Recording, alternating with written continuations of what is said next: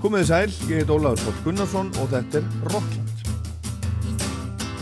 Sís, hvað segir fólk með syndan æðislega? Það veit að þetta er bara sprengur smöggu på þig.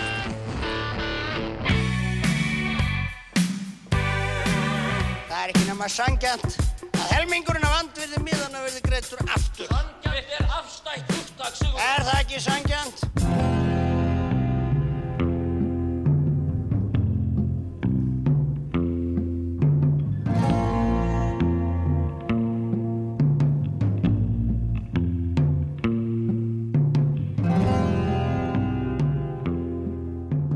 Í Rocklandi í dag heyrum við í nokkurum hljómsveitum og listamönnum.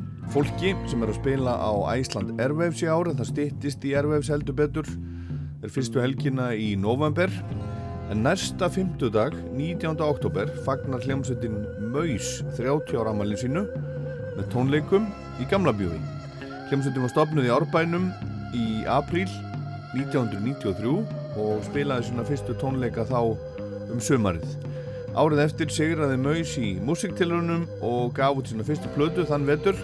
Á næstu 12 árum komu fjórar aðra plötur og á þeim er hellingur af lögum sem að voru spiluð talsvert á út af stöðunlandsins til dæmis hérna á Rástvö. En 2004 fyrir 19 árum lagðist hljómsveitin í dvala og síðasta áratugin hefur Maus komið einstakar sinnum saman til að spila, fagna vinskap og, og og músík hópsins helst í kringum endurútgáður platnana þeirra á Vínil og Maus var eina hljómsveitunum sem að spiluðu svo á Bræðslunni í sumar.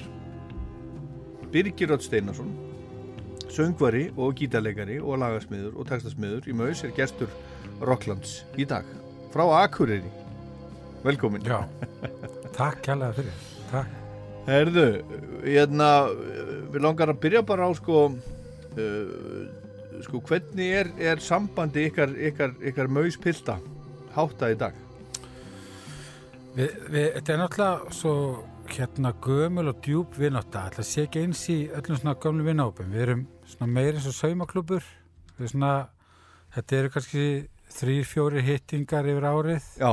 Svona venjulega en þegar stendur meira til þá hittir svo oftar. En þið eru, sem sagt, þið eru vinir í grunninn fyrst og fremst Já, já, vorum búin að vera eh, ég, ég og Eggert og Danni og, og hérna vorum búin að vera vinir í, alveg í þrjú, fjör ára áður en bandið er stopnað, sérstaklega ég og Eggert. Þannig að þe- þetta var ekkert svona í upphafið þegar þið urðu vinir þá lág ekkert endur í loftinu að, að, að þið myndu stofna hljómsveit Nei, og sem er líka alveg svolítið, þú veist, þegar maður hugsaður um það eftir á, þá finnst mér það svo skrítið að hugmyndin hafi ekki komið upp fyrir. ég, ég var sem sagt, ég held að ég, ég fór aðeins á undan þeim. Ég var, fór mikið í selja hverfið að spila með ballhljónsins, ég var í með bróðum mínum. Já, þú varst í því Ég var í, já, ég var í hérna hljómbósleikar í hljónsins sem heit Elsku Unnur. Já. Spiliðum í Galtalæk þegar ég var bara 13-14 ára Já, ok og þannig að ég var bara byrjaði í svoleis og þá voru þeir aðeins byrjar að spila svona hljómsveitagrúskast eitthvað í, í árbænum sín á milli. En ég og Körfir vorum líka í svona industrial hljómsveit sem hér Slaughterhouse 5 þannig að en einhvern veginn þrátt fyrir að, að ég og Eggert var eiginlega svona uh, nánustu vinnir þá kom þessi hugmyndum að spila í hljómsveit ekki upp fyrir en bara að vorum byrjar í mentaskóla Já, já. En var hann samt byrjaður að spila þá á bassa? Já, hann spila, byrjaði e, á bassa fyrst með hljómsveit sem hér Títus og var algjör árbæðskóla sveit. Og í þeirri sveit var mitt hérna var, var uh, Danni á trommum. Og svo hafði Danni verið á trommum með annar sveit sem hétt henni vonlösu og þar var Körver á gítar. Já, já. Og svona sem að þannig að þetta, þetta var bara já, það er eiginlega ótrúlega skrítið með hvað veitir miklum tíma ég að hlusta á tónlist og tala um tónlist að þessi hugmynd hafi ekki komið fyrr. Ég, Já, en, en þeir eru svona, þeir eru svona stolt árbæjarins, árbæjar hljómsveit. já, við erum það náttúrulega þrátt fyrir að, að palli sér vesturbænum. En hérna, en já, við erum erum allir árbæðingar og var alveg svona svolítið skemmtilegur hópur þarna í árbæ okkar árgangur á þessum tíma svona sér maður eftir á, þetta var mikið af svona skapandi og skemmtilegu fólki Og hvernig uh, stóðu því? Þú veist, hvernig hvernig gerist það? Hver- Hvernig, þú veist, af hverju eru sömur árgangar uh, skapandi og, eða þú veist, og aðrir, aðrir minna? Ég veit ekki. Ég held að að þetta hafi, ég held ekki að þakkað félagsmyndsinu árseli gífulega mikið fyrir. Það var í þá daga þá voru opin hús okkur einasta kvöldin nema föstaskvöldum bara frá 8 til 11 og þarna var maður bara alltaf, skilur við. Og við vorum að vorum plötusnúðar nýra á staðnum og vorum svona, tókum ekki þátt í félagslífinu og, og tengdumst einhvern veginn rosa sterkum vináttu böndum út af því og voru kannski að skapa í alls konar en að kannski var ekki tími fyrir hljómsið þá kannski, ef ég hugsaði núna kannski stofnum við hljómsveitna því að við vorum á gamlega til að fara í ásel og hérna vantaði eitthvað að Já. gera En býtu, hérna, ég las, las einhver staðar að þið, þið voru líka, eða, eða þú með einhverjum, þið, þið, þið fóruð í skrekk á svona tíma. Já, ég og Körver Er það orðið fórum- svona, svona gamalt? Skre, Já, skrekkur? Við, við, unnum skrekk í annað skipti sem að hann var haldinn. Það var 1992 í fyrsta skipti sem að Árbæðaskóli vann og það var utanum gjörning sem ég og Körver gerðum undir þessu hérna industrial bandu okkar sem hétt Slaughterhouse 5 eftir bók Kurt Vonnegut og hérna. Akkurat, og hérna og svo fórum við, já, þetta var þetta var rosa stark og skrítið og vorum bara með gítara, feedbacka og eitthvað, mm og gerfiblóð Miklir, og, og miklir gæjar. já, Já. já, og, og, og unnum mjög óvænt. Við áttum alls ekki vonað því. En, en þið, hérna, þú hefur nú ekkert verið mikið í svona gjörningalist í seinni tíð, en Körver er alltaf þessu. Ég var að sjá einmitt, að, því að þú er, þú er búsettur á Akureyri í dag, hann var að, hann var að, hann var að hérna, velta einhverjum kletti upp gilið, ekki? Já, Stein, hann var, var hlutur ekki Sisyfos sem að var hérna, sem var dæmdur til eilíf streðs, þannig að alltaf þegar, þegar hann búin að íta hérna, þegar Karri var búin að íta steininum upp þá rúlaði hann aftur niður og þetta byrja upp á nýtt sko. Og þetta gerði hann í sjö klukkutíma. Skemmtileg. Þetta er samt bara, þú veist, fólki finnst þetta skríti en þetta er bara eins og við vorum aldrei upp, við vorum alltaf að ykkur svona. Ég, og ég tók alveg þátt í þessu kannski þegar ég var í árbæðaskóla en fór meira út í bara að gera tónlist og skrifa og svona mm Herðu Byggi, við ætlum, að, við ætlum að spjalla saman og við ætlum að hlusta líka á músík og við tökum músíkin ekkert, alveg svona í tímaröð. Ég var að hugsa hvaða lag var nú skemmtilega, á hvaða lagi var nú skemmtilegast að byrja. Þá kom inn í, í hausina mér hérna sem er kannski ekki mjög svona típist uh, lag fyrir maus inn í kristalnótt. Já, Segðu, okkur aðeins frá því en við heyrum það. Kristalnótt er lag sem að ég samti fyrir Lómir að fallaplötuna. Uh, eitt af þessum lögum sem að, að því Maus hafði tvær leiðil sem semja, hann að hvort semdu allir saman eða ég kom með lag og þetta lag kom ég með. Uh, en síðan, og, og á plötun er það rockað sko, þá er það með löngu intrói og, og, og virkilega hérna vel útsettar trommur hjá, hjá Danna og og bassalínu til þess að drepa fyrir eins og flestum að ekkert gerir. Og hérna en síðan vandaði okkur voru að búa til lög fyrir saplutu sér kvistir sem kom út 1998 og þá hafði okkur alltaf langa til þess að búa til instrumental útgafu af þessu lagi. En eina sem við gerum í rauninni, þetta er rauninni bara remix af, af hinu laginu, þetta er nákvæmlega saman upptakan og við slökkum öllu nema kassegítarnum, píanónu hans Rodgers hérna O'Donnell sem að spila með. Og bættum við harmoniku sem ég spilaði og, og Eggert tók kontrabassan. Þannig að, þannig að þessi útgáfa er eiginlega, hún er vinsæll en, en rockútgáfan á Spotify í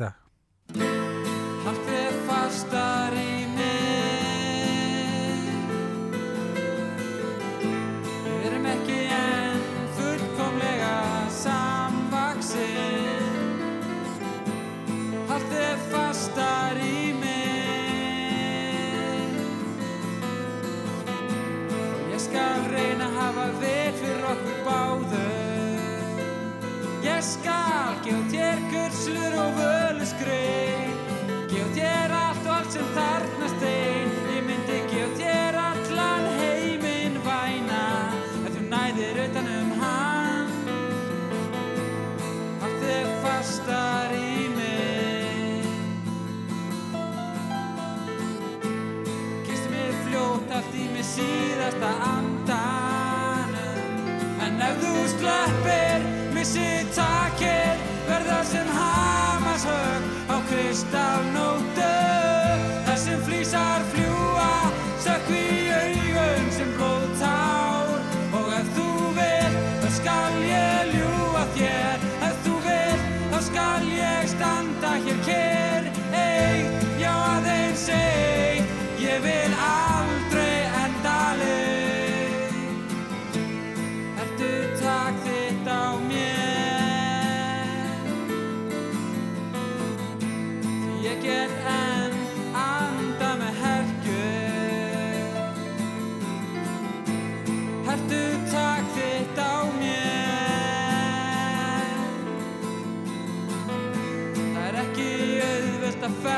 sama lungu En ef þú sleppir, missi takir Verða sem hamashögg á kristallnótu Það sem flýsar fljúa, sökvi í augu sem blóðtár. Og ef þú vil, þá skal ég ljúa þér. Ef þú vil, þá skal ég standa hér kér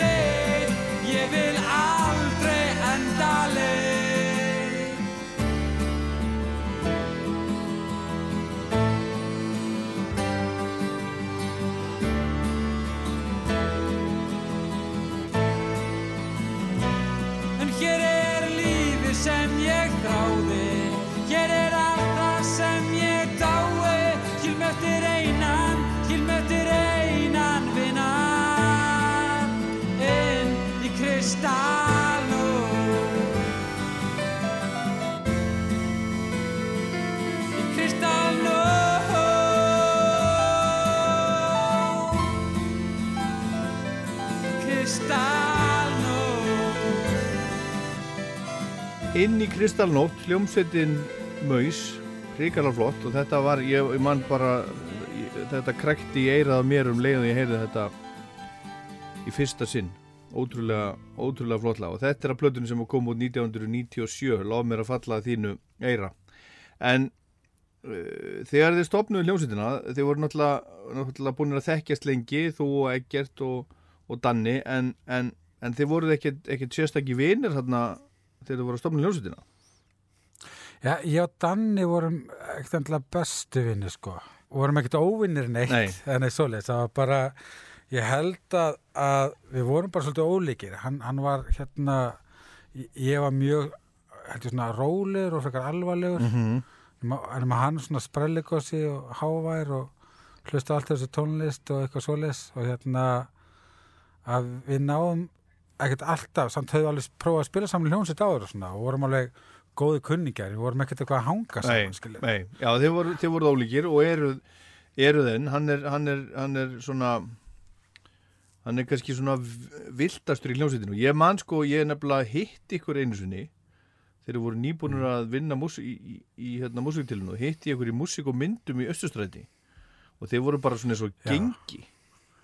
Og maður var bara hálf hrættu við ykkur Það finnst, það finnst mér ótrúlegt. Þið þekkt okkur aðeins betur, þá... Já, eða allavega Danni, það var svona og ég held, ég held með sér að, að hérna, að Áskir Eithórsson sem var, var þá hérna, vestlunarstjóri, ég held að við hendi ykkur út Já, hann, hann, hann, á, hann átti það til í þá daga að vera svolítið hávær stundum sem að ég held að sé nú uh, vaksið á hann í dag. og svo hefur Danni sagt að sko uh, allavega svona sendið að hann hafi enga sérstakann áhuga á að, á að vera trommari en hann er alltaf að gera alls konar músík. Hitt og þetta annað heldur en, heldur en, heldur en maus hann var meiri segja þegar við svona hérna hann var alveg egger sem hann narraði nefir í mög sko.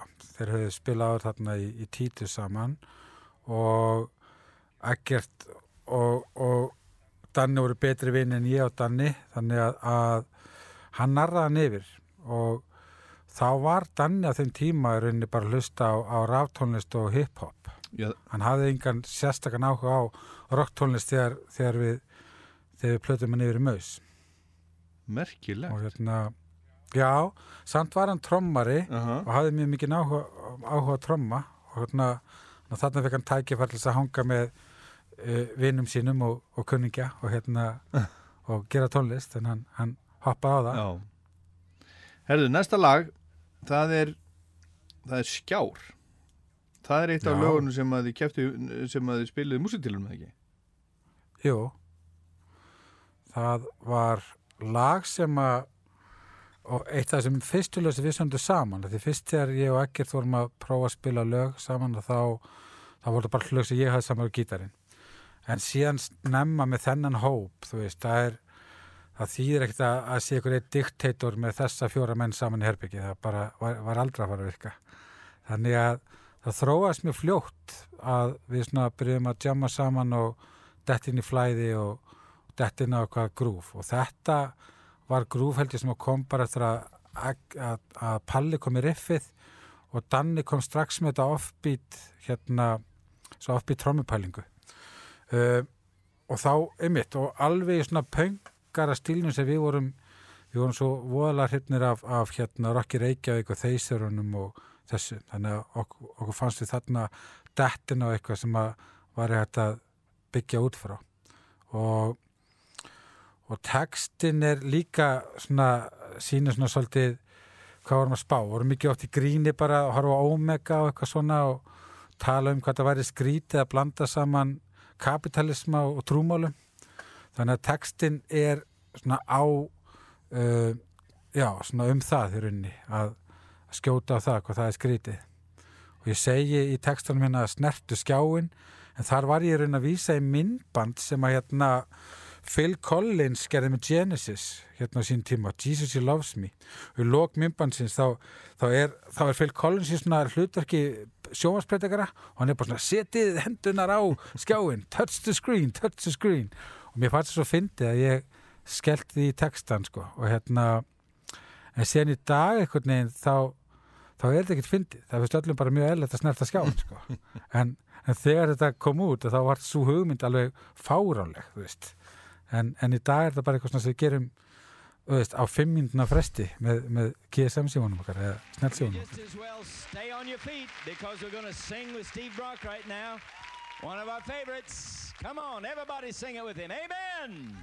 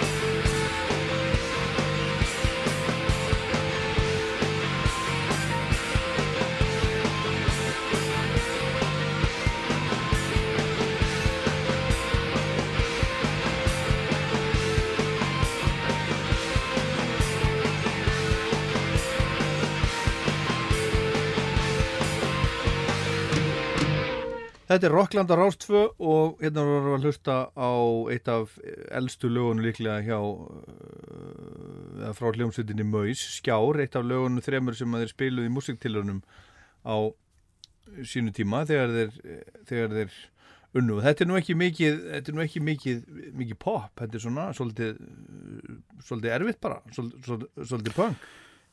Við vorum, við, við vorum og vil ég segja erum pöngarar. Við komum algjörlútið því þessi huga farið að gera allt sjálfur. Við erum til dæmis núna að standa fyrir tónleikum alveg sjálfur. Og það er bara alltaf verið hugafarið sem við komum út úr og, og það heyrist gífulega vel á þessu fyrstu tveimur plötum okkar. Þetta er bara argasta pöng og hérna og lof mér að falla þínu eira var alveg svona blíðuna laus tilraun til þess að reyna að popvæða þá stefnu sem við komum úr. Við vildum þá verða aðgengjarlegur en þessi fyrstu ár okkur gati ekki verið meira sama hverju voru lusta og hverju voru ekki lusta sko. Ok, komum að því aðeins betur á eftir en já, þetta var svona uh, svona punk segir þetta er náttúrulega eftir þann tíma svona indie band uh, þarna var uh, Alternative Nation í, á MTV er það ekki? Þegar við líklega verið að horfa Jú. á það og Já, og 120 mínútur, það var, voru æðslið þættir á útrás sem var hérna fyrsta, uh, það var útrástöð mentaskólana, þættinir á útrás sem hétu neðanjargöngin. Þeir voru alltaf þriðdaskvöldum, minni mig, og maður sat alveg tilbúin með hérna, með puttana og play og rekordtakana sko. Og þarna fekk maður að heyra fullt af góri tónlist. Og svo áttu allir náttúrulega eldri bræður líka, þú veist, það er nefni að, að eldri bróðu Körfis er Arnar Ekkert Tóras mm sem að hefur alla mína æfi verið að skaffa mér tónlist að hlusta á. Já, og það byrjaði bara þarna sko. Já, já. við vorum 13 ára. En, en hvað var verið að spila þarna uh, á, á útrásir í þessum neðanjarðar þætti? þetta voru, þetta voru svona eh, breska bylgjanaðala þetta var svona charlatans og ræt og, og svona tónlist. Já, kjúr, dattinn og svona. Og þetta er bara svona rétt uh, hvað upp úr 90 já, eitthvað svolítið 90-91 og við, við hlustum og þetta alveg bara það var ekki að, það mátti ekki svona ringja í mann, það var Já. bara að vissu það allir að þegar þetta var, nú var maður hlustan þátt. Já, merkilegt, góða minningar. En, en svo, svo hérna svo sem sagt stopnið hljómsveitina og farið í músiktilunir stopnuði hljómsveitina til þess að fara í músiktilunir eins og sumir hafa gert eða, eða hvað Sko, ég, eh, ég veit ekki hvað hinistrákarnir myndi, hverju hinistrákarnir myndi svara, en ég man það mjög skýrt að hafa setið í salnum þegar Júkotan vann og hafa hugsað með mér á næsta ára ætla ég að taka þátt. Mm. Veist. og- Hugsa, hugsaður, já þú hugsaði það ég ætla að vinna líka A- Algjörlega, ég get alveg sagt það bara hér og nú, að, að ég var alveg ótrúlega bjassið náða. Ég veit ekki. Já. og þið fóruð þið, þið komuð, sáuð og sigruð Já, það var bara, var bara svolítið svoleiðis. hvaða, eh, hvaða hljómsveitir aðrar spiluðu 94 Það var, Vúl var í öðru seti, það voru meðlemið úr Kvarasi og Sigurós meðal annars. akkurat Það var hérna Höskuldur, eh, hérna Hössi, rappari, hann söng mm og uh, svo trommarinn Orri, hérna sem að Sigurós fór setna í Sigurós og Sindri sem að á Tix, já, var, var hann með þeim þar líka? Hann, hann var á gítar. Já, já. Og þarna var líka Opus Dei sem að var þungaroksband sem að Gilli Blöndal og fleiri voru í. Og Fulltime Forward Drive sem að Hlinur Aðils og fleiri voru í. Þetta var þetta var frekar gott ár fannst manni sko. Við vorum ekkert við vorum eiginlega vissir um að, að Vúli myndi vinna þið voru miklu betra hljóðfarinni við mm -hmm. nema ég held að við sungum á íslensku og vorum kannski meira, kannski voru dómnendir hrifnar af pengin en heiparokkinu. já, og það var alveg meðvitað að syngja á íslensku Já, það var einungis gert til þess að auka sigurlíkur okkar því að við sungum alltaf ennsku já, já, og ég, sna, ég snaraði allum textunum við bara tveimur vikum fyrir gig sko. Ok. Og þá voru búin að vera að syngja þess lög á ennsku á tónleikum, mm það.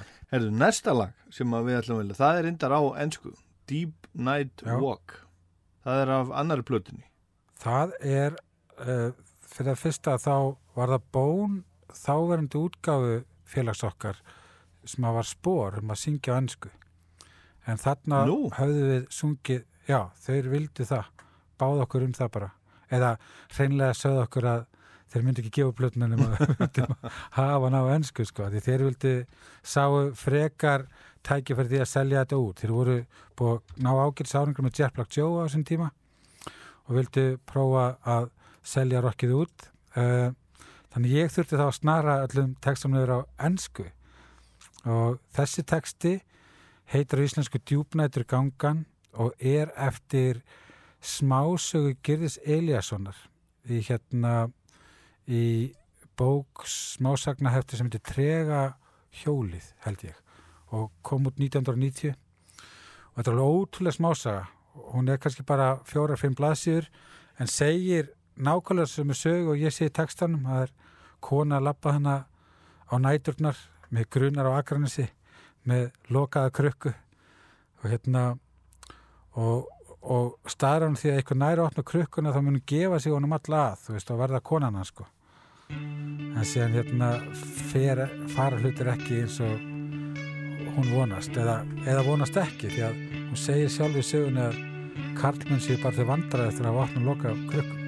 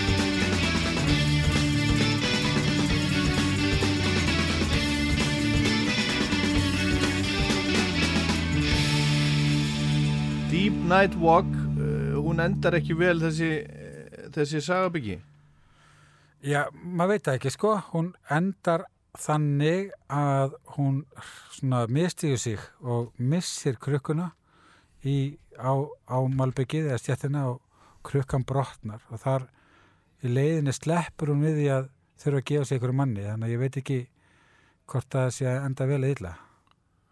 Já, að Það endar ekki vel fyrir, fyrir gaurin sem að sittur er gaura býðiturinn sem að við hérna eh, næsta götu sem er býðið til að fá opna klukkuna hann endar ekki vel fyrir hann. Hvenar veit maður hvað eitthvað er gott eða slæmt í rauninni sem að kemur fyrir? Það er bara ómögulegt að segja til um það. Það eru svo margir endalausir möguleikar. En þetta er sagt önnur, önnur mögusplatan, Ghost Songs, sem kom út 1995. Svo kom, kom næsta plata, þarna 97, Lóð mér að falla þínu eira og ég segi það bara alveg eins og erbyggi. Ég hef sjaldan orðins hissa eins og þegar ég heyrði þá, eða að hissa að heyra plötu. Einhvern veginn þá fannst mér svona stemningin í kringum ykkur þá. Það er bara það sem að, eins og ég horfði á þetta, þá, þá var ég einhvern veginn eh, átt, ég átti ekkert endilega vona að kæmi eitthvað, eitthvað eh, svona gott frá ykkur einhvern veginn. Eða það er að svona allt allt annað. Þetta var svo allt allt annað. Þetta var svo, þú veist, já eins og þú sagðir, miklu meira pop heldur en þið höfðu, höfðu gert og þetta voru bara svo, og svo flott sound á plötunni og þetta voru svo flott lög og flotti textar og mér fannst hún bara alveg frábær. Já, takk fyrir. Ég, ég hérna, ég held að, þú veist, Ghost Songs er svakalega drungalega plata. Og okkur stóð svo gaman að búina til en síðan þegar maður búin að spila hana í svona hálft ár og þá, þá var þetta ekkert endur, þá fann maður það sjálfur fyrir þingslánum held ég. Og, og svörunin þegar hún kom út var nánast engin. Ég held að, þú veist, það voru svona einstaka menn sem að hlustu á hana og dýrka hana og svona aðeinsleg svona harðkjarnar rocksennan þeir, þeir elsku þessa plöti en er en, engin annar. Þannig að okkur að því við hlustum sjálfur á svo breyða hluti að við fórum bara sjálfur að spáði af hverju leifu okkur ekki að gera eitthvað aðeins svona léttari tónlist og bara mjög bliðina laust og mjög svolítið meðvitað að reyna að semja mér pop tónlist og og líka hvað textana var það ég fjallaðist að semja um sjálfa mig og fór svona meira að segja þetta er allt sögur eiginlega um aðrar ímyndaðar personir á þessari plöti og hérna og við settum okkur bara í svona einhver hlutverk við það að reyna ég held að hafa alveg verið gert bara af, af einskerum leiða yfir, yfir drunganum sem var á plötuna undan sko.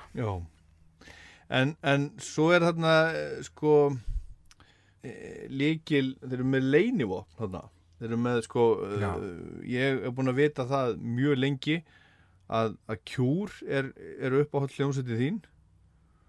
Já, og ég held að, að allavega þeir sem voru að fylgjast með íslensku músiklífi þarna þá á þessu tíma, ég held að allir, allir svo sem uh, vit, vita það upp á hljómsveitin að spinga M.A.U.S. væri kjúr og svo er bara hljómbásleikarinn úr kjúr þarna með ykkur á, á plötunni. Já, sem að er sem að síni bara hversu fáranlega skrítið lífið getur í alvörunni verið. Að, að ég er 13 ára hlustanda kjúr fram og tilbaka bara inn í herbyggi örfám árum setna er ég í hljóðverinu með hljómbásleikarunum þar sem hann er að spila á plötuna og, og það gerðist eh, út af því að það er, það er árbæða tengsl, það er sem sagt bekkjar sýstur okkar, Elisabeth Davíðsdóttir varð sem að fór nú ekkert mikið fyrir í árbæðaskóla og svona feimin og, og liti ekki mikið á sig fá sko, ja, mikið litið á sig var ekki að, að sækjast mikið til aðtegli allavega, að við vorum samt alltaf góði félagar, ég og hún hefum verið saman í hérna göduleikhúsi og, og eitthvað svoleiðis. Og svo bara verður hún, vinnur hún ford fyrirsættukeppnina og fer út að vinna sem fyrirsætta og hérna og næsta sem ég veit að þá er hún byrjað að deyta hljómbásleikarni kjúr og hún náttúrulega vissi að ég var mikill aðdáðandi þannig að hún bauði mig bara að kynnast honum sko, bara kynnti mér, kynnti okkur og, og hann segir ykkur svona, ég veit ekki hvað hann var að grínast hann sagði eitthvað svona einu sinni bara já, já, svo kem ég og spila á næstu plötu. Og ég bara, já, frábært. Og svo bara hringdi ég hann, herri við erum í stúdíunum þennan dag, hvenær, hvenær við bóka flug með hann? Hann náttúrulega þorður ekki að segja nei, sko og mætti bara, Já. þannig að hérna, þannig gerðist Og það hvað var hann lengi með ykkur, þú veist, í stúdíói og, og, og hvar og, og, og, og hvað er, er hann mikið á þessari blötu? Hann er á öllum lögunum nema einu held ég. Hann er ekki á e-mailaðið. Hann spilar ekki, og ekki nýtikonu perlu. Hann er á langflestu lögunum. uh, hann var með okkur í hljóðurinu allan að örglega alveg viku. Já, já. Var hérna á Íslandi alveg tvær vikur bara í kringum þetta verkefni. Vá. Og hérna, já, þannig að þetta var alveg ótrúlega magnaða tími. Við líka höfðum kynstónum aðeins bæði fyrir og eftir þetta með því að þegar Maus fór kannski til London að spila þá, þá hreinlega gistuðu bara heima í honum sko Já, og hérna, já, já, og bara og skapaði skoð vináta og, og sem að er, er enn bara í gangi þegar hann kemur til Íslands þá, þá hittu hann en vinátan eitthvað neinn, hann er, hann er sérstaklega góð saman til Daniel held ég Já, já. og, hérna, og ég held að hann spili mér sá síðustu, eða þar síðustu triptych plötu sem að Danni gerði hann spilaði líka sólblötunni minni frá 2006 Já, já. Og hann er ennþá, ennþá í kjúr. Já, hann, reynda síðan þarna er búið að reka hann, ráða hann aftur búið að reka hann aftur og ráða hann aftur Já, hann er allavega í dag. hann er, hann er í kjúr í dag. Ákveð alltaf verið að reka hann. Ég, ég, vei, ég held að Cure er svona bara einsmanns uh, hljómsitt rauninni sko. Þetta er bara, Robert Smith er bara CEO, hann er bara forstjóri og svo eru hinn bara eins og hérna í vinnu við það. Þannig að þegar hann ákveður að gera plötu sem ákveður mikið hljómborða þá, þá bara er Roger ekki með gig held ég sko. Merkilegt. Við skulum heyra Já. síðasta ástin fyrir pólskiptin. Segðu okkur aðeins, aðeins uh, frá læginu fyrst. Já, uh, síðast ástinir pólskiptin er afbrakstæmi um hvernig maus sem er lög saman. Þess, þetta byrjar í grúfi á hérna uh, sem að mér minnir að, að, að, að Palli og Danni og Eggert voru byrjar á áður ég mætti á æfinguna sko og hérna og og er svona flæðandi svolítið lag og er svona held ég alveg svona turning point fyrir okkur sem hljómsveit eða svona fundum við eitthvað svona eitthvað neista og kraft og stíl sem vorum tilbúin að elda sem að var síðan svolítið eitthvað sem við breyttum yfir plötuna. Um, tekstin er saga um, um mjög feimin strák sem að hittir mjög sterka kvennpersonu sem að skýtur hann niður bara með, með hérna gáum sínum. Og hérna að hann er svona að reyna að vera töffari, ég tek það fram að ég var ungur feministi mm. ég vil að hans áttam á því.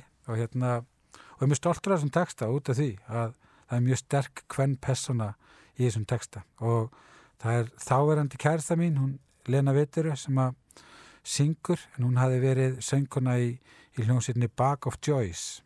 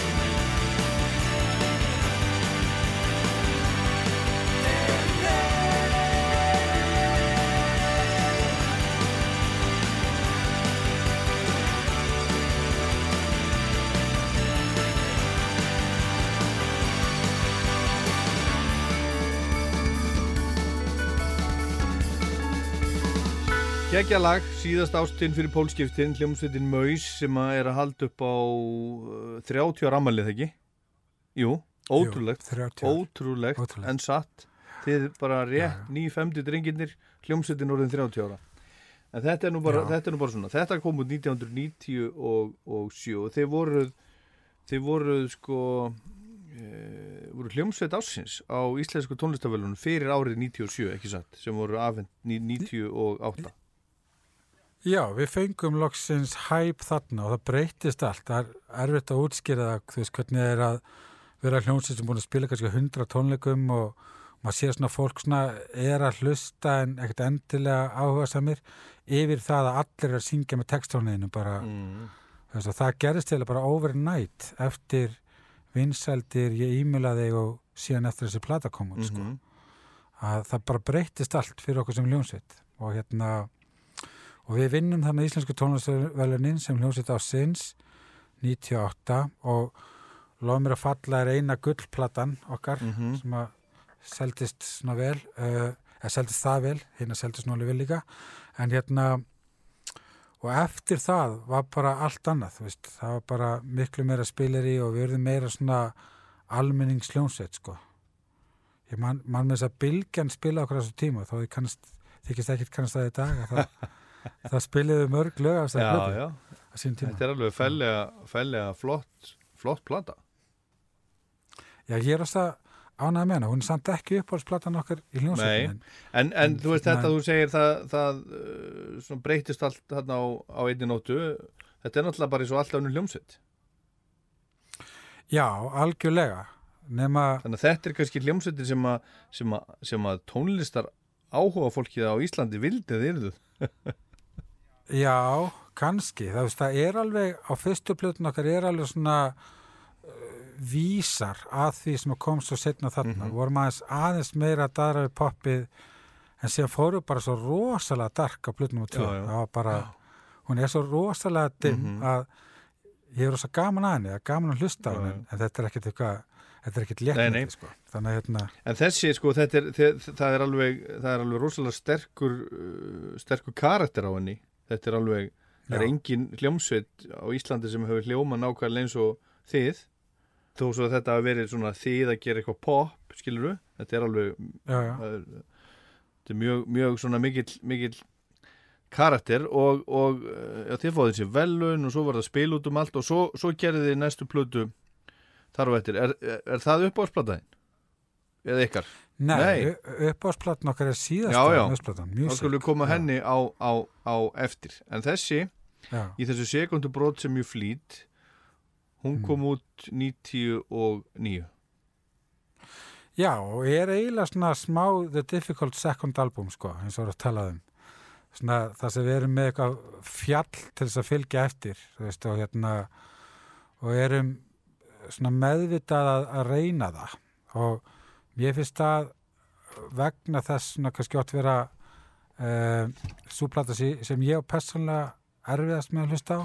Nú, þó að ég sé rosa ánæg já, ég er rosa ánæg með margt af henni. Það eru lög þarna algjörlega styrluð og, og það er til dæmis tvö vinsalsi lögin okkar eru þaðan kerrispundin þrá og allsjóðlasti lígi en síðan svona en sem heildarverk að þá svona þá finnst mér hún ekki svona ná, ná hérna svona kannski jafn mjög sjarma á aðra plötur okkar. En það er bara, það er kannski bara ég.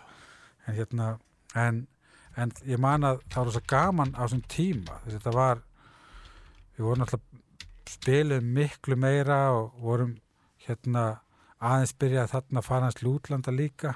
Og hérna og og þetta var mjög skemmtileg tími til þess að vera í veist, það var svona tíðarferðir út að landa að spila og svona og, og þarna kom svolítið svona hérna rockstjörnu hérna hefðuninn fram í okkur sko eða svona að við vorum að fá að upplifa það í, í kortir að vera rockstjörnu sko og við skulum heyra eitt lag á þessar plötu sem að þú varst einmitt að minnast á. Kerfisbundi þrá.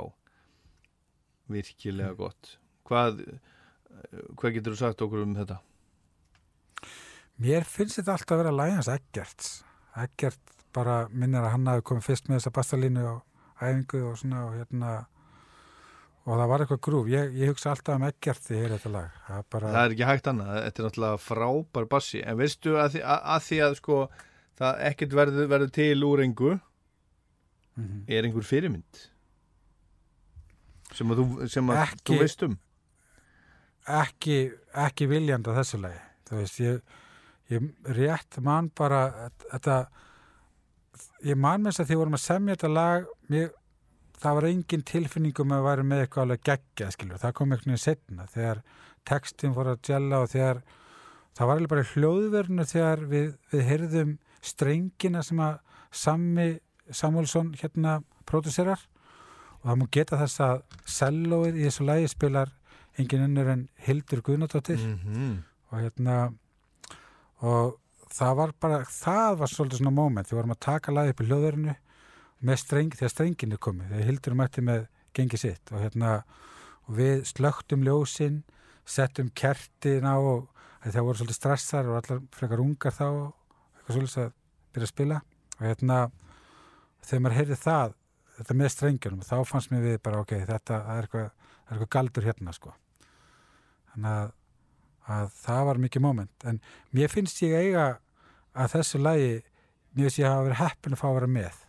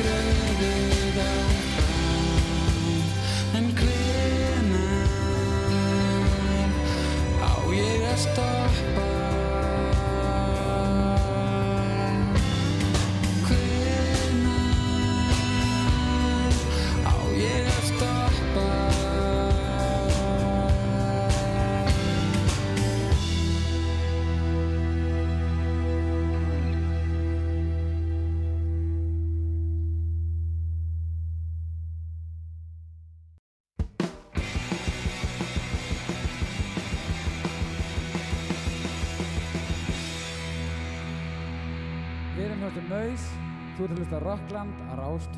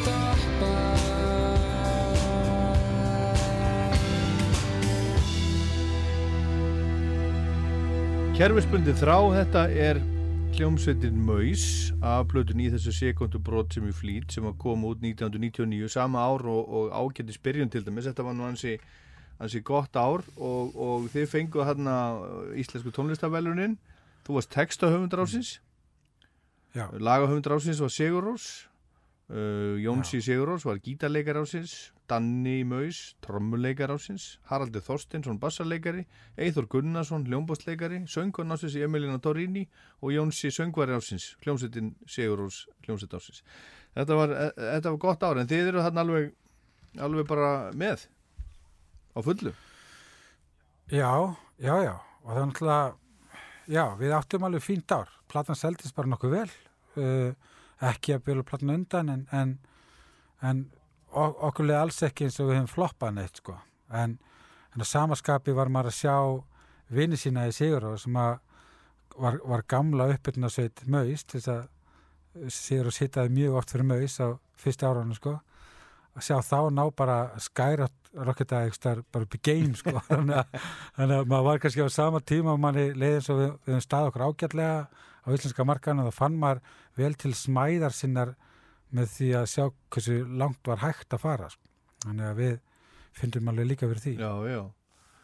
Já, þið voru svona uh, svona vinnir Já, já, ég, ég held að það er alveg óteljandi tónleikar sem að voru kannski hérna Rosenberg-kjallanum í gamla dag og svona áður en fólk vissi af Sigurós þá voru við öll eina hljónsinn sem að hringdi og, og baði um að, að, að gefa hann tækifæra á að spila sko. þegar þið héttu jafnvel Rose ertu meina alveg, Já, alveg já. svo, svo landatur Alveg, já, alveg það langt aftur og, ja, og líka eftir að breyttu nafnir Sigurós. Uh, Jónsi var í MS í smástund, uh, við kynst svona þar.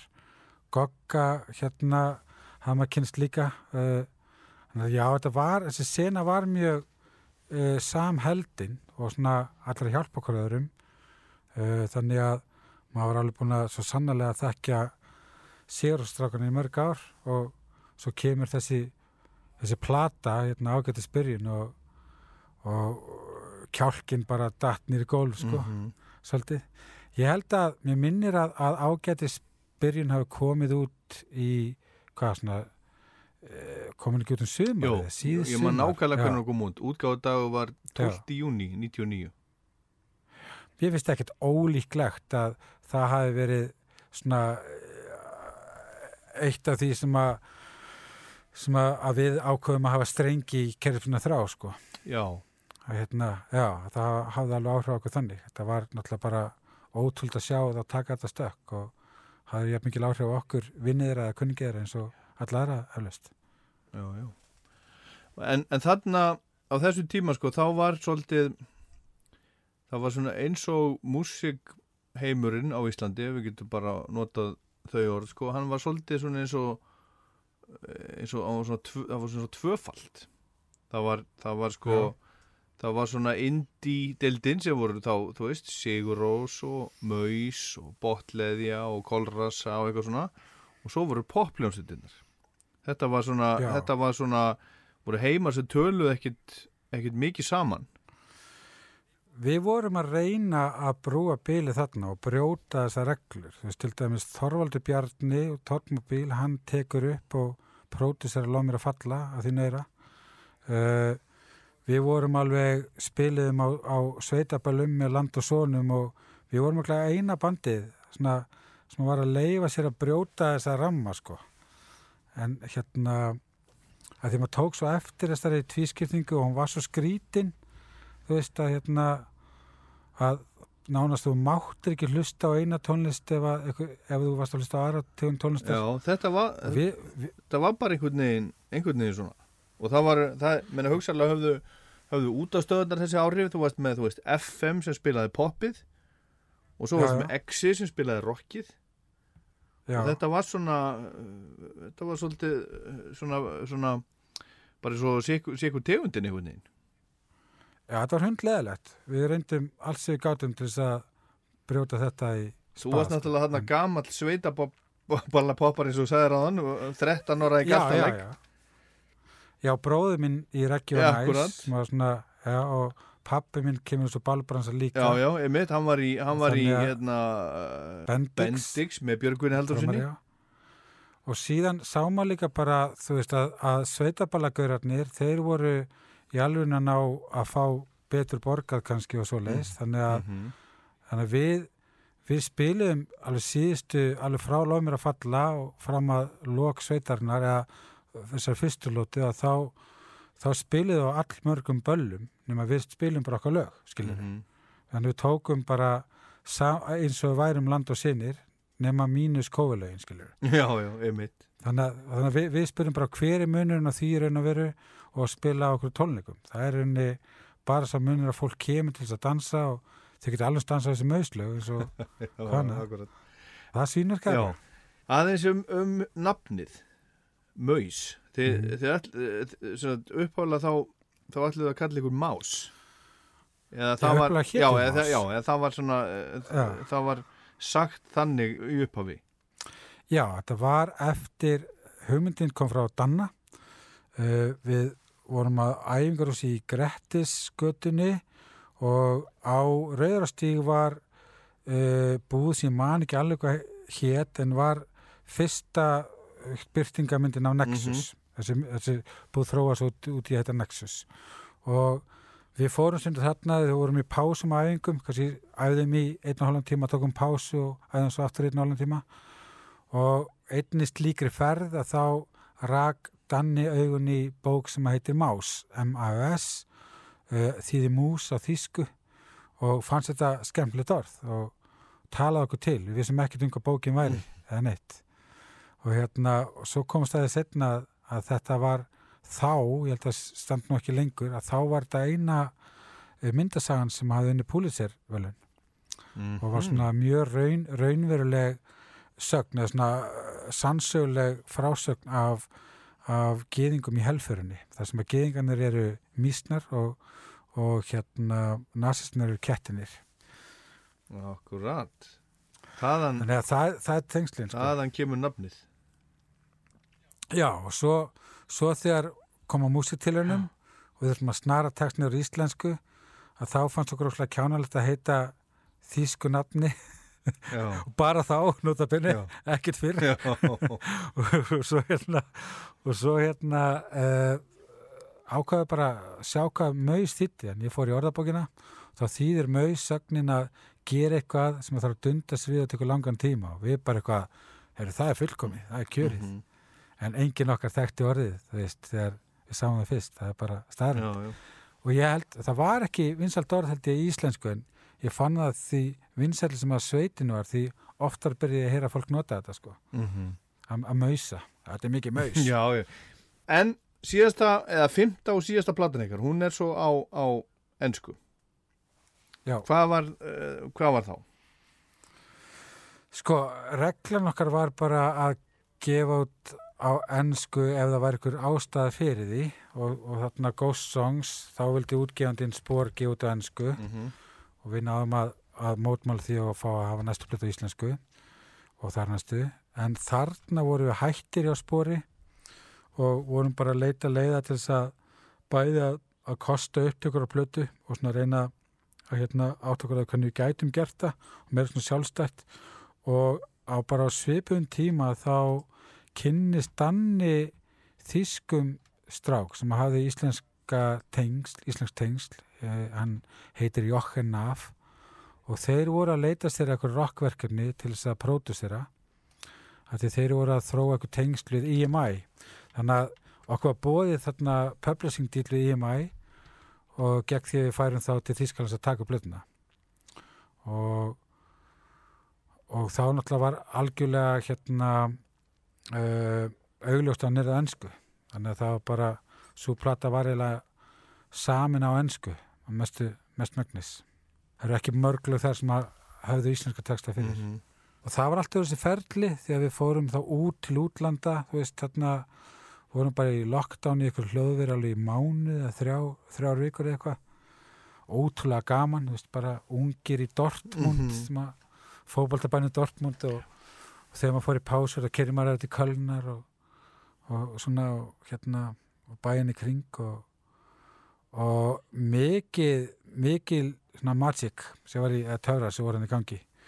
Og svo var þetta líka eða fyrsta platan sem að okkar sem er tekin upp þar sem við nýtum stafrænu hérna hliðina til fulls. Þannig að við leiðum okkur í fyrsta skiptið að eigða tíma í eftirvinnslu.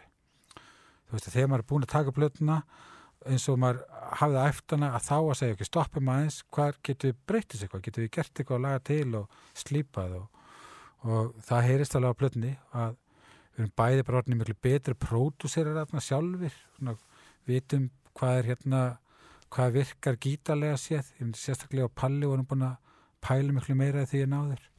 Dannu að byrja að fykta við elektrónik og tengja hann inn í og þannig að þessi plata finnst okkur ennþá í dag bara algjört svona hápunktur og, og ég held að sem allir svo gladir að, að, að enda á þessari blötu Heyrum live-in á Fistból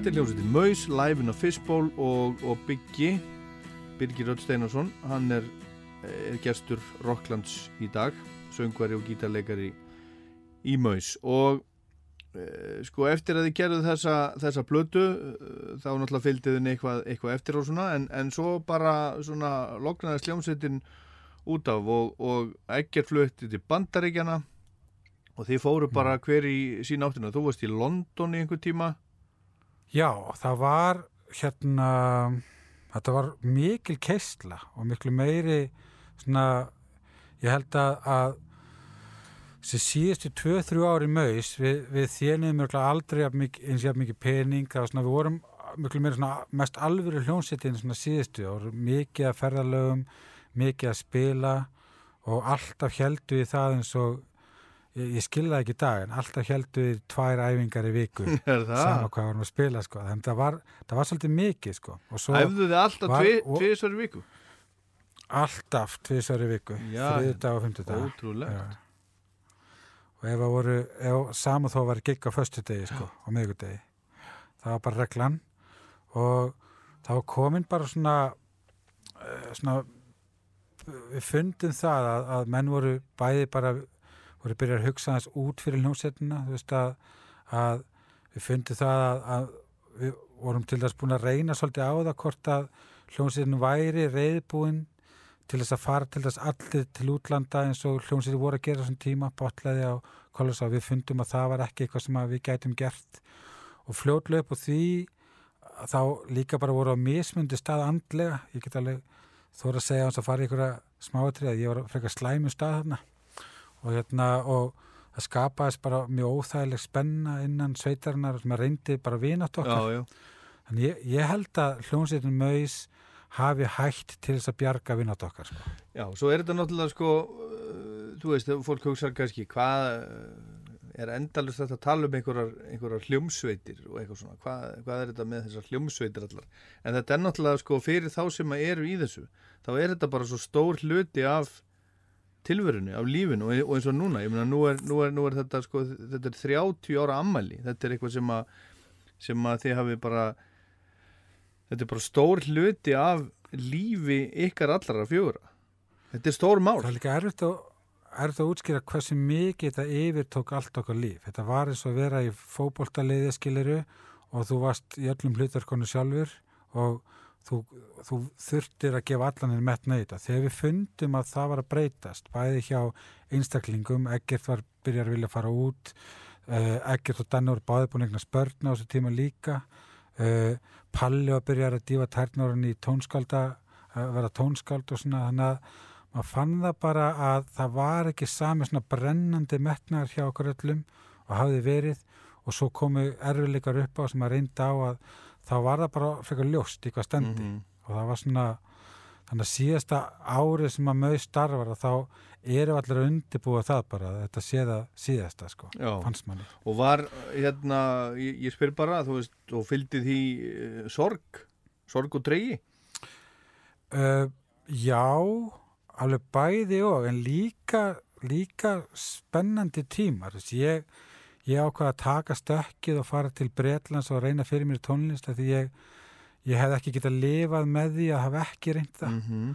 Og, veist, og við höfðum tækifæri þarna sem ég nýtti það bara og reyndi það og fór út og gerði eitthvað skiliru og það var ótrúlega yndislega stórkostlegur og klikkaður og tímið sem bara var alls konar og hérna þannig að bæði var að frelsandi en líka mjög sorglegt að því þannig að bara breyttist lífur og svo mikið að maður var ekki í svona nánu samskipti við þess að menn sem að bara við vorum alltaf en stóra breytingin var svo að, að við hittumst kannski í sama rými þú veist sexinum í vikuna yfir það að vera ekki sama herbyggi í nýju ár. Já, wow. þannig að það var alveg, það var stór breyting þar á, við vorum hérna að við fór, fluttum allir ég fór til London Egger fór til San Francisco Danni fór til Barcelona tímpili uh, og Palli var alveg nokkur ári í Íslandi og það hitt alltaf þannig á að enginn okkar vorum aldrei allir saman á Íslandi á sama tíma sko. Mhm. þannig að það í alvegni var þannig að við vorum ekki í sama herbyggi í, í nýju Já. ár sem var náttúrulega kífileg breyting Akkurat. þegar eitthvað hafði svona stór hluti Og Danni, hann, hann er grafiskur og hann lögur ekki? Og, og, og er svo með, með hérna, þú veist, er að gera raf, raftónlist, ambient, triptych, heitir það ekki? Já, Triptych mjög yðin við Já. það og komin svona meira út í svona uh, sveimandi hulaslu Akkurat, og svo er, svo er Eggert, sem að snertir ekki bassan þegar mögist er ekki starfandi hann, bara, já, ég átt hugsa þetta og ég held að það sé ein ástæðan fyrir að það sem hefur erfitt að fá okkur að stað er að ég get vissum að ekkert hafi ætlað að verða í rockljónsett sko, ég held að hann var bara gaurinn sem að veist, ég plata vart með út í þetta skilur og svo var þetta miklu lengra og starra æfintir en hann ætlaði sér. Þannig að þegar mögis klárast þarna í fyrstulótinni að þá held ég hann að bara vera svolítið fegin og fór bara að einbytta sér að tölvuforritun og hann, hann er skamin að bruka bjór, hann er mikill fjölskyldumæður, hann er svona gaur líka sem að á sterkan vinahóp sem er mikið því að hjóla upp á fjöll og svona, er bara ykkur allt öðru en við hinn sko. og svo er, svo er, svo er Palli, hann er, hann er margveluna tónskáld og aðjungt við tónlistadel listaháskólans og, og svo er þú Já. akkurir hérna, starfandi sálfræðingur. Já, já. Og hérna, já, þannig að við erum mjög ólíkir í öllu en kom samt al alveg, ég held að það hafi verið ykkur galdur þarna í árbænum og í kringum bara eh, tónlistarlífið í Reykjavík á þessum tíma því að það var ekkert hægt að fara út að meika það. Það hafði verið ein hljónsið sem hafði gert það, það voru sigumólinir og svo allt hérna kemur Björk, skilir, og, og þá kemur svona næsta vonarbilgja eftir sem við erum alveg hluti af og maður vissi að það væri myndi eitthvað gerast með íslenska tónlist, það var rosa spennandi tímar en engi vissi hver það var sko. og svo kom Sigur og svo Múm og þetta og þá, þá var ljós hvaða stefna Já, það var já. upp úr, sko. hérna, þetta var ótrúlega spennandi og mjög gefandi tími þú veist, að vera til og, og vera að starfa í þessu en En nú eru bara liðin 30 ár og þið ætlið að halda upp á það með, með, með tónleikum núna á fimmtudaginn í Gamla Bíó og, og sko gætu þetta orðið uh, síðustu tónleikandi? Ég sá, sá eitthvað frá okkur að þið ætlið ekki að gera þetta tvisvar. Þetta væri bara svona einu sinni, þetta að segja sögur og, og svona. Já, og er þetta bara er þetta hugsaðlega bara einhver, einhver svona endapunktur alveg? Sko, við, ég held að við séum allir með það á baku eirað, já, að ég var alveg heilur, að hérna, að við vorum með þetta í gangi að, að endur útgefa plötnar og vínil og na, það var ástæð til þess að koma fram og spila og gera eitthvað og svona. Þannig að ég held að til þess að mög spili það þyrfti alltaf að vera ykkur svona raunvulega ástæða. Þú veist, eitthvað sem að okkur finnst áþræðunlegt og þess virði til þess að, að gera það, skilur við og þarna var náttúrulega bæði voru að koma music út af vínil sem að koma út í sumar og svo þetta 30 ára afmæli sem okkur fannst svolítið stórfenglegt þannig að það fannst okkur næg ástæð til þess að standa í þessi mausi.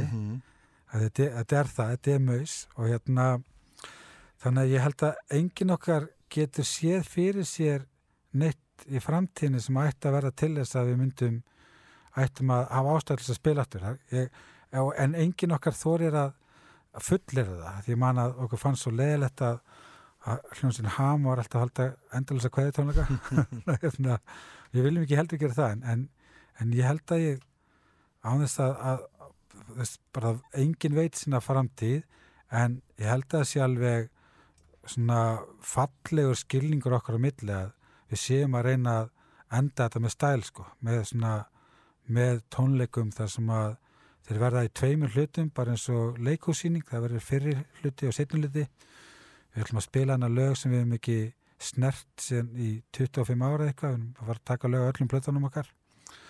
Og mikið svona vinna lögð í það að gera það svolítið sérstakt. Þannig að, þannig að án þess að ég þóra fullir það þá kæmur mér það ekkert á óvart. Og, og það er svona tilfinningin sem ég hef allavega og, og ég hef heyrt bæði ekkert og danna segja það allavega að þetta sé sé þess að skiptið.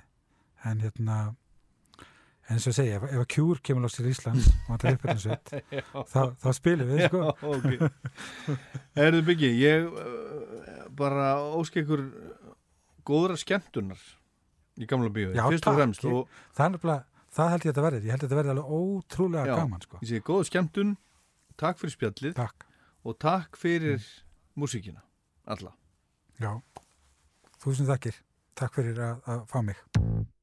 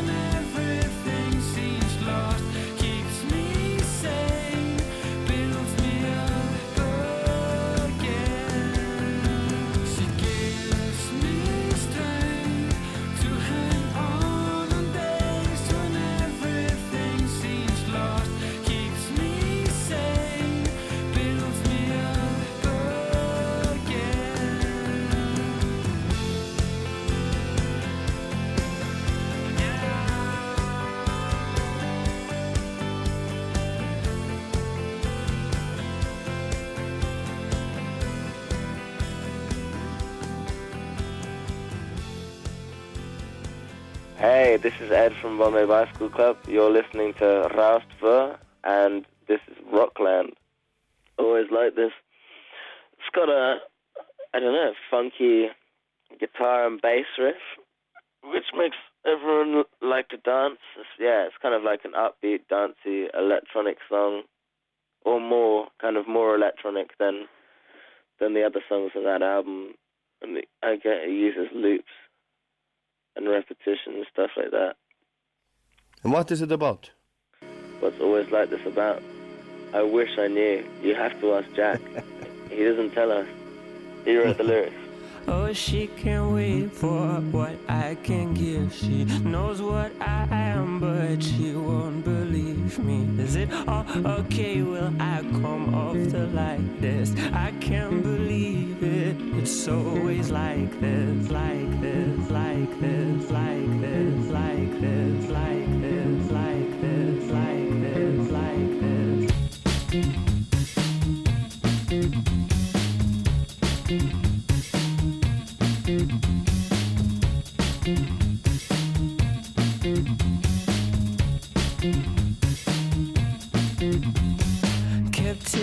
bay. Yes, you kept your word. Is there on your mouth, but it's not what I heard. If I follow the light that I deem the brightest, I won't believe it. It's always like this.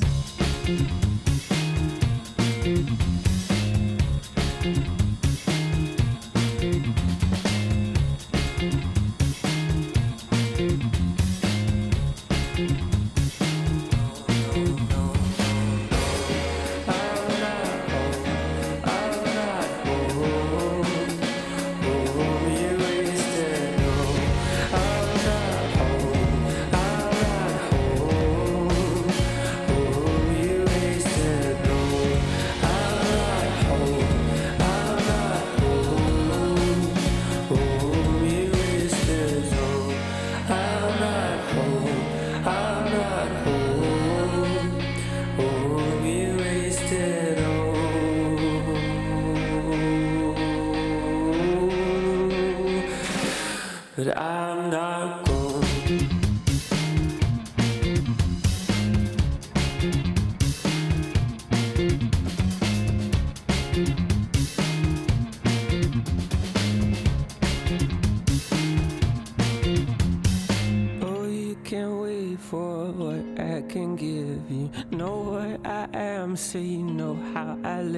And try to look proud, but you're not in the slightest. It's happening now, and it's always been like this, like this, like this, like this, like this, like this, like this, like this, like this, like this. Þetta er ennska hljómsveitin Bombay Bicycle Club og gamalt smellur Always Like This af fyrstu plötu neðra sem að heitir I Had The Blues But I Shook Them Loose kom út 2009 Árið eftir 2010 sem sagt kom hljómsveitin á Iceland Airwaves og spilaði eitt heitasta nafni þá og áður en hljómsveitin kom þá spjallaði ég við einn liðsmanna Ed Nass. Við heyrðum í honum hérna á eftir hann spilar á bassa og ímestlega fleira. Og nú er Bombay Bicycle Club að koma aftur til að spila á Iceland Airwaves. En það er ákveðin stefna sem að hátíðin tók 2019 að fá hljómsveitir aftur á hátíðina og, og tónlistamann sem að höfðu slegið í gegn eftir að hafa komið snemma á Iceland Airwaves. Þau hafa nefnilega lengi verið með puttan vel á púlsinum hjá Iceland Airwaves. Magdi Marko kom 2019 sem sagt aftur, í fyrra var það hljómsveitin Metronomy og í ár kemur sem sagt Bombay Bicycle Club í annarsinn við skulum heyra lag af nýju fjögurlaga plötunni frá sveitinni eftir smá stund en fyrst skulum við heyra örlíti meira brot úr spjallinu okkar Ed úr hljómsveitinni frá 2010 ég spurði hann um alls konar auðvitað And do you know anything about us? About Iceland. These wonderful people that live here? I've I know a tiny bit about Reykjavik.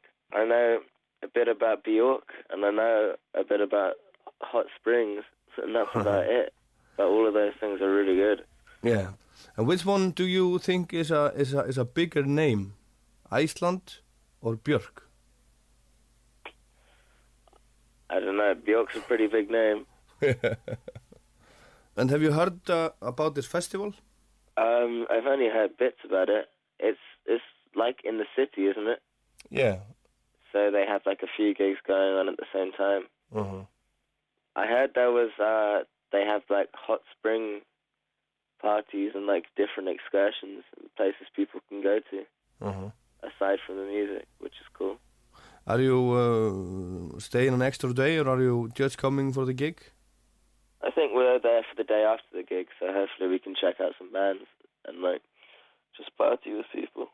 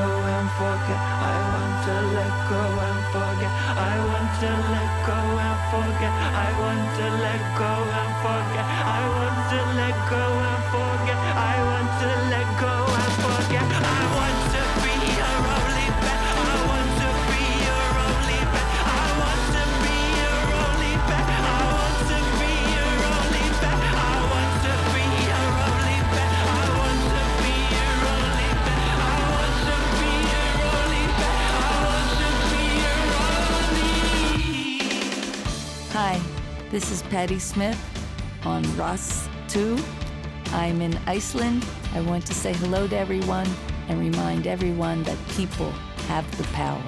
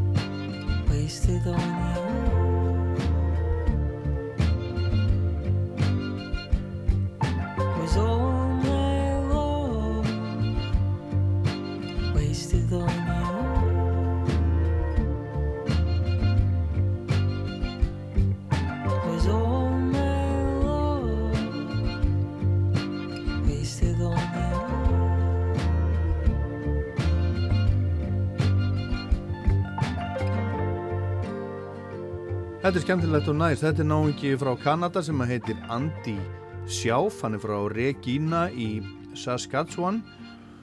Spilar á alls konar hljóðfæri hitt og þetta og syngur og semur lög og hann er að koma á Æsland Erfus hann er, er fættur í, í Estevan í uh, Saskatchewan ólst upp í Bienfætt fluttir svo setna til, til Regina og fóreldrans þau ráku einhverju svona ráftækja og hljóðfæra verslun sem að eh, sem að gera það verkum að hann hafði aðganga alls konar hljóðfærum og tólum og tækjum og fekk að svona leika sér aðeins með dótið í búðinni. Og fjölskyldan hans var mjög trúið og hann spilaði þegar hann var unglingur í, í svona kristilegu bandi kristilegri hljómsveit með fóreldur sínum. Og svo var hann trommari um tíma í, í svona kristilegu pop punk bandi sem heit Kaftin hætti því 2006 og hann hefur gefið út alveg slatta af plötum, góðan slatta og svo nýjasta hún var tilnæmt til það sem heitir Polaris Music Prize í Kanada. Virt velun hún heitir Norm þessi plata. Og þetta lag sem við vorum að hlusta á hérna það er af henni. Andi Sjáf spilar í, í gamla bíói á Æsland Airwaves og við skulum heyra annar lag með Andi Sjáf það er af blödu sem að kom úr 2016 og heitir The Party. Lagið heitir The Magician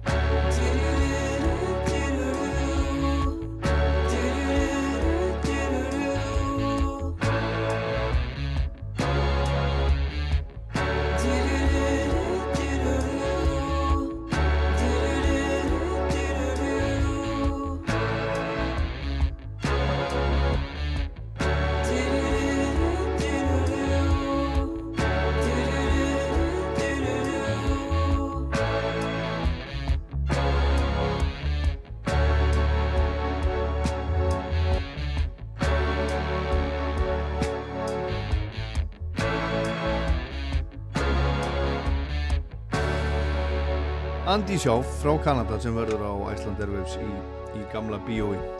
Fyrstu, fyrstu vikuna í november, fymtudag, föstudag og lögadag og einn af þeim sem að verður á Airwaves er hinn danski Trendemöller sem margir þekkja, hann spilar í listasafninu, hann er með, með band, live band sem kemur með honum hinga til Íslands og ég fekk einn liðsmann úr Trendemöller bandinu til að velja fyrir okkur loka lag Rocklands í dag og senda okkur smá hljóðkort Hæ, Dísa hérna.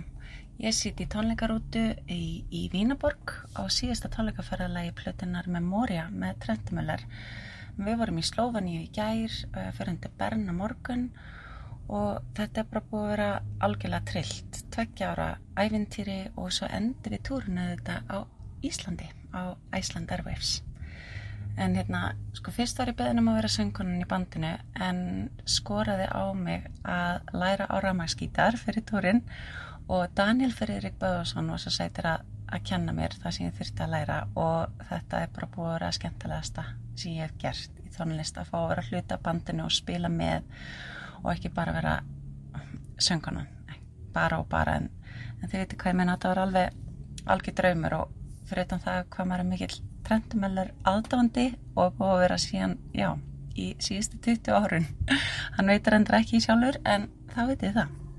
Allavega, við erum tólmann sem borð, 11 strákar og, e, hérna, og ég en maður verður bara einna, eina strákunum og stemningin er alveg frábæra, er bara munur öllu. En sjói sjálft er mjög magnað finnst mér, hérna myndskreitingarnar eða vísjólarnir voru hannaðir af einu sem heitir Leroy frá New York en hann hefur hannað fyrir veist, Prince og Beyoncé og Lady Gaga og svona trillt dæmi. En nú erum við trendumölar að klára nýja plötu og ég fæði að syngja henni þannig að vonandi er ekki oflant í næstu törn því að ég fíla þetta líf svo vel að vera öll saman í rútu og vera á ferðalagi og svo sef ég bara eins og unga barn í rútinni en uh, ég ákvaða að láta reyna á gamlan draum og er bara komin í fjarnum í sálfræði frá Háskólanum Akureyri og hérna það er samkjætnispróf núna fyrir jól þannig að það er bara löf, létt pressa. En sjáum hvað setur. Ef við kannski í, gegni fyrsta þá bara fer maður í þetta aftur næst og tíminn liður hvort þið er. Maður það bara ég nýt allan að ferða lagsins En ég hlaka mjög til að koma og spila á Erfiðs lögadaginn 4. november, res og kátt með danadrengjanum í Trendumöller. Sjáumst! Takk fyrir það. Þetta voru Dísa Jakobsdóttir, Bryndís Jakobsdóttir sem er að syngja og spila með Trendumöller og verður með þeim hérna á Æsland Erfiðs. Hún valdi þetta lag fyrir okkur, loka lag Rocklands í dag, Cops on Our Tail. Ég heit Ólaður Pott Gunnarsson, það er þetta hlustaðu þetta alltaf þegar maður vill á rúf.is og í rúf spilaranum, rúf appinu. Takk fyrir að hlusta